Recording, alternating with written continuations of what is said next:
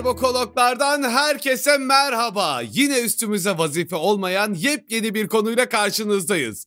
Bildiğiniz üzere herbokologlar olarak her hafta önemsiz sayılan ama aslında hayatımızın her bir zerresine nüfus etmiş başka bir konuyu ele alıyoruz.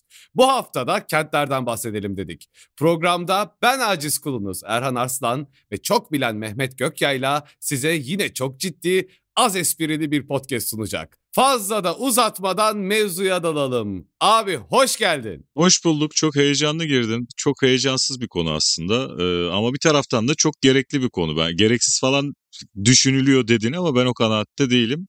Hayatımızın tam orta göbeğinde geçtiği bir kavramdan bahsedeceğiz bugün çünkü. Allah'ını seviyorsan, Allah'ını seviyorsan bana söyle bak. Allah'a da andım artık yani o noktaya geldim.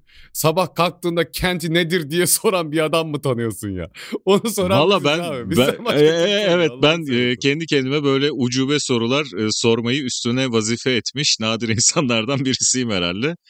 Ama kavramların ne olduğunu bilmezsek e, hayatımızın çok tabii anlamı olamayacağı inancındayım ben. Bilmiyorum belki de fazla düşünmekten kaynaklanıyor. Allah vergisi bir şey. Yani Allah beni böyle yaratmış. O anlamda söylüyorum. Herkesin kendisine ait bir ilgi alanı var. Düşünmek mi Allah vergisi abi? Fazla düşünmek kısmı. Yani düşünmek de Allah vergisi olabilir. Ben sana söyleyeyim bazı insanlar var nasıl nefes aldıklarına şaşırıyorum. Yani hani Allah'tan omurilik soğanı yönetiyor. Allah'tan beyincik yönetiyor yani oraları. Malum efendim e, cogito ergo sum düşünüyorum öyleyse varım. Binlerce yıllık insanlık tarihi içerisinde o engin serüvenin içerisinde akan şeylerden bir tanesi bugünkü konumuz. Kent nedir? Kentleşme nedir? Kentlerin tarihi nedir? Bunlardan biraz konuşalım istedik Erhan'la beraber. Ee, üzerimize vazife midir değil midir tartışılır. Bence vazifedir çünkü hepimiz kentlerde yaşayan insanlarız. Ee, ya da bu podcast'i dinleyenlerin de muhtemelen çok büyük bölümü Türkiye nüfusunun çok büyük, çok çok büyük bölümünün olduğu gibi kentlerde yaşayan bireyler.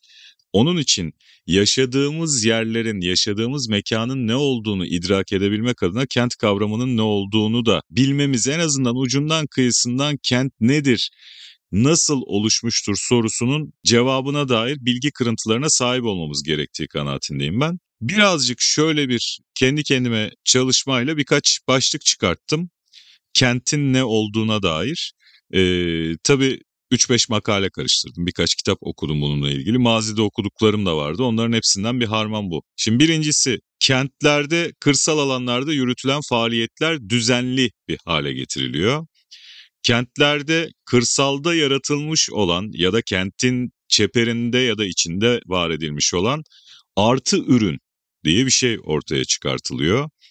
Ticaret ve imalat yoluyla bu artı ürünün değerlendirilmesinden bahsetmemiz gerekiyor kent dediğimiz mekanlarda. Bunlarla beraber insanların kırsalda ulaşamayacağı, ulaşabileceği ve ulaşamayacağı çeşitli mal ve hizmet ihtiyaçları karşılanmalı e, kentlerde ve de kırsalda son derece basit bir hayat döngüsü devam ederken kentte bu basitlik karmaşık bir yapıya dönmüşken dahi hizmet akışının düzgün bir biçimde sağlanması icap ediyor. Çok kısaca böyle birkaç başlık çıkardım kent kavramıyla alakalı. Ne dersin bu başlıklara dair? Abi şimdi çok konuya siyasi ve işte akademik olarak yaklaşılmış. Gerçi akademik olarak yaklaşılmasında bir sakınca yok da. Tabii tabii tabii tabii. Yani benim okuduğum kaynaklar, e, yararlandığım kaynaklar bu cins kaynaklardı. Benim kafamdakilerle de örtüşenler vardı. Ondan dolayı bunları seçtim. Yoksa daha onlarca sayabiliriz. Tabii tabii. Ben daha basit bir tanım yapayım. Biliyorsun ben kentsel tasarımcıyım. Senin üstüne vazife olmasa benim üstüme vazife hacı. Ben her şekil yargılarım da yorum da yaparım. Döverler adamı değil mi? Kent dediğimiz belirli bir zümrenin ticari amaç kaygısıyla sınırlı bir alanda bir araya gelmesidir aslında. Başlangıç noktası budur ve ticaret amaçlıdır ilk başta ama sonrasında gelişen kent tanımında aslında şunu ekliyoruz. Belirli bir insan topluluğu diyeyim zümre çok doğru olmadı. Belirli bir insan topluluğunun ticari amaç güderek sınırlı bir ortamda bir araya gelmesi ve belirli bir kültürü oluşturması durumudur. Kentler bizim siyasi sınırlarımızla aslında belirlenmezler, kültürle belirlenirler ve çoğunlukla belirlenen sınırlar da fiziki, coğrafyayla alakalı. O zaman bir dakika bir dakika bir dakika, bir dakika. Ben, bir, ben bir soru soracağım o zaman. Ee, şimdi kentin tarihine gittiğimiz zaman insanlık tarihinin çok önemli bir bölümünde kentlerin e, surlarla çevrili yapılar olduğunu görmekteyiz. O zaman burada kültür bu surlar mı oluyor? Spekülasyon yapalım biraz. Tabii ki sur da kültürün bir parçasıdır da. Orada şimdi çok az bir insan var zaten yaşayan. Ee, yaşayan insanın az olması ve belirli bir alanda sınırlı olmaları zaten orada paylaşılmış veya bölünmüş bir kültür oluşturmuyor. Anlatabildim mi? Paylaşılmış bir kültür oluşturuyor. Benim burada anlatmak istediğim şu. İstanbul bir kent midir? Bugünün İstanbul'u kentin çeperinde oluşmuş köylerden ibaret kentlinin de bulunduğu, kentli olmak isteyen ama kentlileşemeyenin de bulunduğu ilginç bir metropol yapısında. Belki bugünün dünyasında bütün büyük şehirler aynı şeyi taşıyorlar, aynı kimliği taşıyorlar aslında. İstanbul gibi metropollerin tamamı aslında kentler bütünüdür. Bunun içinde ilçeler olarak sayamayacağım. İlçelerin de altında kentler olabilir. Birçok kent görürsün ve bunu aslında konuşmadan, yaşantıdan, mimari ögelerden dahi ayırabilirsin. Yani sosyokültürel, sosyoekonomik yapıyı da buna dahil et. Aslında o İstanbul'sa bu ne diye soracağın bir e, mantığa dönüşmek zorunda kalabilirsin. Yani İzmir için de aynı örneği verebilirsin, Ankara için de aynı örneği verebilirsin. Aslında bizim siyasi sınırlarla belirlediğimiz alanlar kentler değiller abi. Kentler kültürle sınırlanmıştır.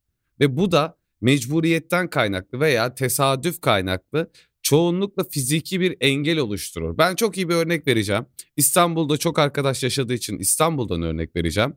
E5'in altı ile üstünün arasında kültür farkı vardır arkadaş. Yaşantı farkı vardır. E5'in altı ile üstü arasında sosyoekonomik fark vardır.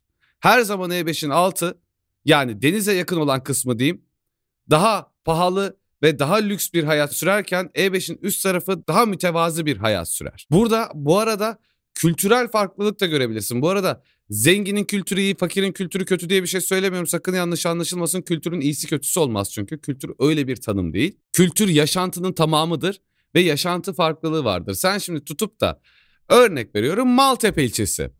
Yani bildiğim yerlerden gidiyorum. Maltepe ilçesinde sen Esenkent ile Gül suyuyla Dragos'un aynı kent olduğunu aynı kentin bir parçası olduğunu iddia edersen çok yanılırsın. Bunlar farklı kentlerdir. Yani Dragos tamamen tek, tek başına bir kent değil tabii ki ama Gülsuyu mesela çevresiyle birlikte işte o Esenkent'le birlikte falan başka bir kenttir. Çünkü farklı bir kültürel yapıdır ve fiziki bir sınırlaması vardır. Bu çok önemli bir detay. Günümüz kentlerinden bahsediyorum bu arada. Antik kentlerde böyle bir şey olamıyor zaten. Antik kentlerde de bu arada çok eskiye gitmezsen var abi. Orada da gettolar var. Bu arada orada da balıkçı mahallesi dediğimiz mahalleler var işte falan. Hani böyle Akropol diyeyim ya en temiz örneği ya. Abi Akropol sence kentin bir parçası mı? Yoksa kendi başına bir kent mi? Hem evet hem hayır. Coğrafya olarak baktığımız zaman belirli sınırları baz alacaksak, şehrin yayıldığı, kentin yayıldığı bütün parçayı ele alacaksak evet o kente dahil.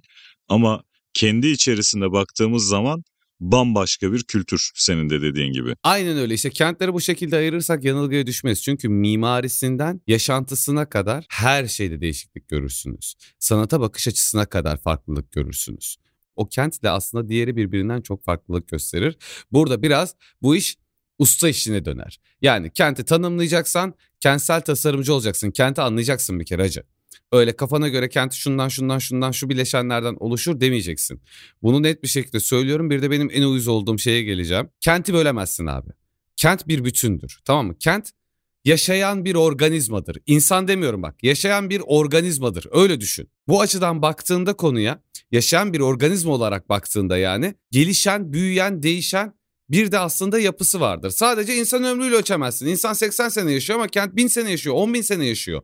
O yüzden onun dönüşümünü, gelişimini veya yaşadığı ergenlik dönemini sen anlayamayabilirsin. Ama kent onu yaşıyor. Bunu hani göz ardı edemezsin diye söylüyorum. O yüzden kent ve kültür, kent ve insan, kent ve toplum, kent ve ticaret diyorlar ya. Bu şunun gibi abi. Bir insanım ben. Hem bir bilincim var, zekam var hem de anatomik bir yapım var ya. İnsan ve böbrek, insan ve dalak demek gibi.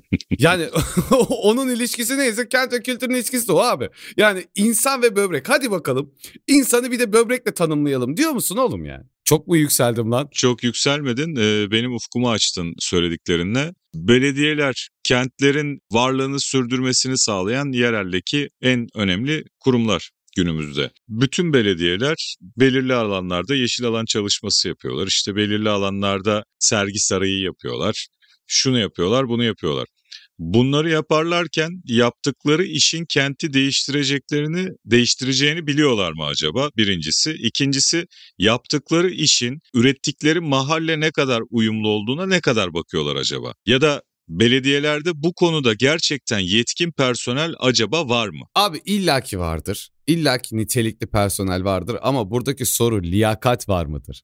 Yani onu sormak gerekiyor birazcık. Dünyanın en iyi personelini istihdam etsen ne fark eder? Yani yönetim bizim ülkemizde belediye başkanı bir nevi tanrı olduğu için ve herkes ona biat ettiği için, herkes onun kulu ve tebası olduğu için yani sistemin çalışma modeli yanlış. Oradaki kişi doğru yapsa ne fark eder? Başkan ben bunu beğenmedim diyor. Şunu şöyle yapın diyor. Birazcık yeşil şunu atın diyor. Birazcık altın sarı satın diyor. Yine proje saçma sapan bir noktaya geliyor. Kente müdahale eden herkesin tanrısal bir gücü vardır. Çünkü oradaki yaşayan bölgenin aslında sosyo-kültürel yapısını değiştirebilir. Bu çok önemli bir detaydır ve çok ufak bir yeşil alanla bile değiştirebilir. Doğru analiz sentez yapılırsa, doğru veri toplanırsa zaten bunu yapmakla da mükelleftir. 50 sene sonrasına, 100 sene sonrasına çalışır kentsel tasarımcı. Bugüne çalışmaz diyorum zaten her zaman. Ama yerel yönetimler bunu biliyor mu diyorsan, dediğim gibi yani bizim yöneticilerimizden hangisi kenti tanımlıyor abi Allah'ını seviyorsan yani ya kimse kusura bakmasın şimdi biz de tamam yerel, yerel yönetimlerle çalışıyoruz. Çok saygı duyduğumuz belediye başkanları da mevcut. Yani e, işini çok doğru yapan insanlar da var. Laf etmiyorum herkese ama yani abi iş adamından bozma müteahhit gelip de kenti anlayacak diyemezsin. Onun çok doğru bir ekiple aslında bir şekilde danışman ekibiyle yönlendirilmesi gerekir. Peki bunu dinliyor mu dinlemiyor mu bu adam? Onu sorgulamak lazım bizim memlekette. Bir de maalesef kurumlarımızda dal kavuk da çok abi. Yani her şeyi şakşaklayan, alkışlayan. Peki sistem burada olunca böyle olunca yani düşünsene şöyle bir ortamdasın. Sabah giriyorsun arkadaşlar bunu böyle mi yapsak acaba diyorsun. Herkes alkışlıyorsun. Oo çok iyi fikir ya bizim hiç aklımıza gelmemişti. 30 senedir mühendisim ben böyle çözüm görmedim diyen bir tayfa var. Sen de bir anda diyorsun ki oğlum ben neymişim ya. Yani o adamları da çok suçlamıyorum aslında. O koltuktan dolayı bir zehirlenme süreci yaşanabiliyor. Ki işte senin bu söylediğin dal kavuk sima firmaların da bunda çok büyük payı var. İşin nihayetinde yapılan eylemin sonucunun ne olacağının farkında olmayan bir kitle çıkıyor. Şimdi belediyelerle ilgili e, belki daha sonra bir bölüm yaparız. Hatta yapalım istiyorum ben şahsen. Sözünü keseceğim. Sadece burada çok iyi bir örnek vardır. Yılmaz Büyükerşen. Yılmaz Büyükerşen ilk belediye başkanı olduğunda 3 sene boyunca sadece proje hazırladı. 3 sene sonra imalata geçti.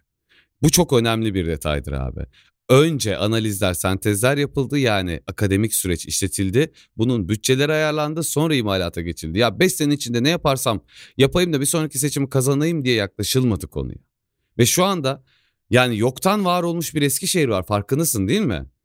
Böyle Türkiye'de son 15 senede parlamış bir şehir var yani yerli turist çekiyor yabancı turist çekiyor mu bilmiyorum ama adı bile okunmayan esamesi bile okunmayan sadece Anadolu Üniversitesi orada diye bildiğimiz bir Eskişehir çok farklı bir şekilde anılmaya başlandı. Bakın bir kişinin, vizyoner bir kişinin kente etkisidir. Bu da var. Bu örnek de var. Hepsini kötüleyemem yani. Ama şu özetleyeceğim. Çoğu belediyecilik anlayışında bizim e, kümülatif yaklaşım yoktur. Bütüncül yaklaşım yoktur. Parça parça iş yapma vardır. Bu da kente aslında e, ufak ufak ya yara bantları yapmaktır ya da yeni yaralar açmaktır abi. Orada madem belediyelere girdik ucundan böyle birkaç cümle daha ben sarf etmek istiyorum. Ondan sonra yine asıl konumuz olan kent kavramına döneriz. Dinleyenler bilmiyorlardır tabii ki nereden bilsinler. Ee, ben bir açıdan çok şanslı bir çocukluk geçirdim. 5 yıl boyunca babam belediye başkanlığı yaptı yaşadığım şehirde. Ve tam benim çocukluk dönemimde e, belediye başkanı ne iş yapar ben bilmiyordum ama soran olduğu zaman baban kim ne iş yapıyor diye adet olduğu üzere sorulur çocuklara. Babam benim belediye reisi diyordum o günlerde reis daha çok kullanılırdı. E, şunu söyleyeceğim rahmetlinin bu konular geçtiğinde kurduğu bir cümle vardı. Derdi ki Evet, demokratik açıdan bakıldığı zaman elbette belediye başkanlarının 5 yılda bir seçilmeleri son derece makul mantıklı. Ama 5 yıl gerçek anlamda hizmet edecek olan, kente bir şeyler katacak olan belediye reisi için yeterli bir süre değil. Keşke bu 10 yıl olabilseydi. Az önce senin Yılmaz Büyükerşen'le ilgili kurduğun cümlede olduğu gibi ilk 2-3 sene zaten belediye ne iş yapar, ne işe yarar ve ne gibi planlama yapmak lazım bununla geçiyor. Dördüncü sene bir şeyler üretiyorsun. Bu kenti daha ileri bir noktaya getirmek anlamında yapılan faaliyetler. Beşinci sene zaten seçim var hiçbir şey yapamıyorsun derdi. Böyle bir anekdot anlatıp merhumu yad etmiş olalım ve dönelim kentimize. Allah rahmet eylesin. Amin. E, kentlerin tarihine girelim mi böyle 3-5 cümleyle yoksa günümüzden mi devam edelim? Nasıl istersiniz? Gir abi gir gir gir çok önemli. Tarihini bilmeden kentin ne olduğunu anlayamayız. 3-5 cümleyle çok genel ifadelerle bahsedeceğim. Senin o söylediğin zaten ticaret yapma amacı birazcık işin püf noktasını oluşturuyor. Milattan önce 4000'li yıllarda ilk defa Sümer topraklarında yani günümüzde Mezopotamya diye adlandırılan coğrafyada ilk kentlerin ortaya çıktığı konusunda tarihçiler fikir birliğine varmış durumdalar. Sonrasında Mısır'da yine kentler görüyoruz. Sonra yayılmaya başlıyor. Kuzey Çin'de e, antik Çin medeniyetinin bazı kentleri var. E, ama Bugün hepimizin aklına kent dediğimiz zaman böyle işte ise 80-100 bin nüfuslu ne bileyim birkaç yüz bin nüfuslu yerleşim yerleri geliyor. Bu cins büyük çok büyük antik dönem için kentlerin ilk örneği galiba Roma, antik Roma ve sonrasında oradan tüm dünyaya yayılan bir maceradan bahsedeceğiz zaten. Roma İmparatorluğu'na dönüşecek olay. Sonrasında Roma kadar büyük kentlerin ortaya çıkması pek kolay gerçekleşmiyor ama ticaretle birlikte sanayi devrimine burada vurgu yapmak lazım. Sanayi devrimi özellikle İngiltere'de kentleri kent yapıyor ama kentlileri de köle haline getiriyor ya da kırsaldaki insanları köleleştirip yarı kentli çoktan ediyor belirsiz bir halde yepyeni bir vatandaş türü üretiyor. O vahşi kapitalizm çılgınlığından ufak ufak Sonrasında günümüze doğru geliyoruz ki Türkiye'de de asıl kentlerin yoğunlaşması 20. yüzyılın ortalarından itibaren 1950 ve sonrası süreçte tarımda makinalaşmanın artması, sanayileşmenin daha üst düzeye çıkması, makinalaşma sonrasında kırsalda belki o kadar nüfusa gerek kalmaması ama kırsalda kazanılamayacak paranın herhangi bir büyük şehrin herhangi bir fabrikasında sıradan bir amele olarak fazlasıyla kazanılabilir olması sonucunda İstanbul başta olmak üzere Türkiye'de bir kentleşme, kentlileşme demiyorum altını çizerek çılgınlığı ortaya çıkıyor ve süreç sonunda günümüzdeki haline geliyor. Bugün kırsal nüfusu kentteki nüfustan daha kalabalık olan il bazında baktığımızda yanlış bilmiyorsam Türkiye'de 3-4 ilimiz var. Onlar da küçük iller. Evet doğru söylüyorsun. Onun haricinde tüm illerimizde çok ağırlıklı olarak ve tüm Türkiye nüfusunda çok ağırlıklı olarak nüfusa baktığımız zaman son rakamları bilmiyorum ama belki %75-80 kentler %20-25 kırsal nüfus gibi bir hale gelmiş durumdayız. Abi çok güzel anlattın ve çok güzel bir yere değindin. Modern kentlerin miladı sanayi devrimidir. Evet. E, bunu her yerde söyleriz. Sanayi devriminden sonra tarımda makineleşmeyle aslında kırsalda bu kadar çok insana ihtiyaç kalmadı. Ama başka türlü ihtiyaçlar kentlerde geliştiği için insanlar kentlere bir şekilde akın etmek zorunda kaldılar. Oysa ki aynı şeyi o bölgede kentleşerek de yapabilirlerdi veya yönetimler bunu bu şekilde bir şekilde yönlendirerek yapabilirdi ama biz bunu tercih etmedik. Biraz Türkiye özelinde söylüyorum. Saldım Çayıra Mevlam Kayıra modelinde o dönem yaşandığı için 50'lerden hemen sonra ki e, bir sürü 2. Dünya Savaşı bitmiş falan filan zaten bir sürü de şey vardı. Hani ülke doğru düzgün yönetiliyor muydu yönetilmiyor muydu bilmiyorum. Birkaç sene sonra ihtilal oluyor, oluyor zaten. O da daha bir e, ortalığı hallaç pamuğuna çeviriyor ama demek istediğim şu. Eğer yönetimsel olarak yerinde kentleşme çözülseydi biz bugün bu megapolleri konuşmuyor olacak. Sözünü kesmek istiyorum. Senin e, çok sevdiğini bildiğim bir ismi daha rahmetle anmamız icap ediyor belki burada. Çok da bilinmeyen bir detaydır. Senin bilmemen açısından demiyorum. Dinleyicilerimizin bilmiyor olabileceklerini düşünerek bunu özellikle vurgulamak istedim. 70'li yıllarda rahmetli Bülent Ecevit'in Köy Kent diye bir projesi var. Evet. Senin bahsettiğin de birazcık ona e, yanaşıyor sanki. Abi zaten öyle 70'ler geç kalınmış bir dönem ama. Evet. Yani bu evet. çok önceden planlanmış olması gerekiyordu. Bu arada Bu veri doğru olmayabilir. Ben bunu internette araştırdığımda bulamadım. Ama köy kelimesinin kökeniyle ilgili şöyle bir spekülasyon var. Köy kelimesinin bir kısaltma olduğunu Atatürk tarafından geliştirilmiş bir kısaltma olduğu söyleniyor ve kalkınmada öncelikli yörenin kısaltması olduğu söyleniyor. Ne kadar doğrudur ne kadar yanlıştır bilmiyorum. Abim şimdi diyecek ki öyle bir şey yok. Olacağını zannetmiyorum. Kalkınma kelimesini Atatürk'ün kullanmış olma ihtimali pek yok çünkü. Bilemedim şimdi kalkınma kelimesi yerine ne kullanıyorlar da olmadı yani böyle bir bana elektrik gelmedi yani bu tanımdan bilemedim. Ama güzelmiş. Yani ben de bilmiyorum doğrusunu. Bu arada köy kent kavramı işte aslına bakarsan köy enstitülerinin ilk dönem köy enstitülerinin oluşmasının nedeni falan bu aslında ilk yerinde kentleşmenin adımlarını atmakta. Oranın ihya olması ve oranın gelişmesine yönelikti. Ama biz daha sonra bunu bıraktık. Saldım çayda Mevram Kayıları dedik. Yani ee, ve o, o süreçten sonra aslında bizim kırsaldan kente doğru çok ciddi bir akım başladı. Akış başladı diyeyim. Bu dünyada da oldu bu arada. Sadece Türkiye tabii, özelinde tabii, tabii, olmadı. Tabii. Ama yine de e, daha homojen bir yapı orada vardı. Şimdi Türkiye özelinde bakarsan Edirne'den al. Şöyle kıyı şeridini gel Antalya'ya, Mersin'e kadar git. Kıyı şeridini sadece bak öyle şey yapma. Çok içeriye girme. Nüfusu bir hesapla 40 milyonu geçiyor. İçerisi toplam nüfus 85 milyon.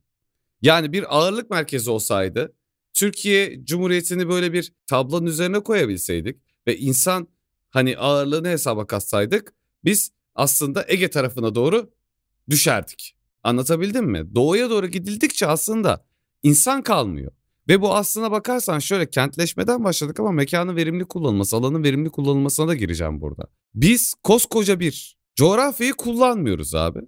Belirli bir yerde sıkışıyoruz. İşte kentleşmenin en büyük hatası, kentlerin en büyük hatası burada başlıyor. Doğru yerde, doğru lokasyonda, doğru kentler kurarak buranın bir şekilde ihya olmasını sağlamak. Ve bunu bir belirli teşviklerle yapabilmek. Maalesef denenmedi desem yalan olur hala denenmiyor desem yalan olur ama çok iyi bir yönetimle denenmediği için bu da Türkiye'mizde gerçekleşemiyor. Yine başa döneceğim.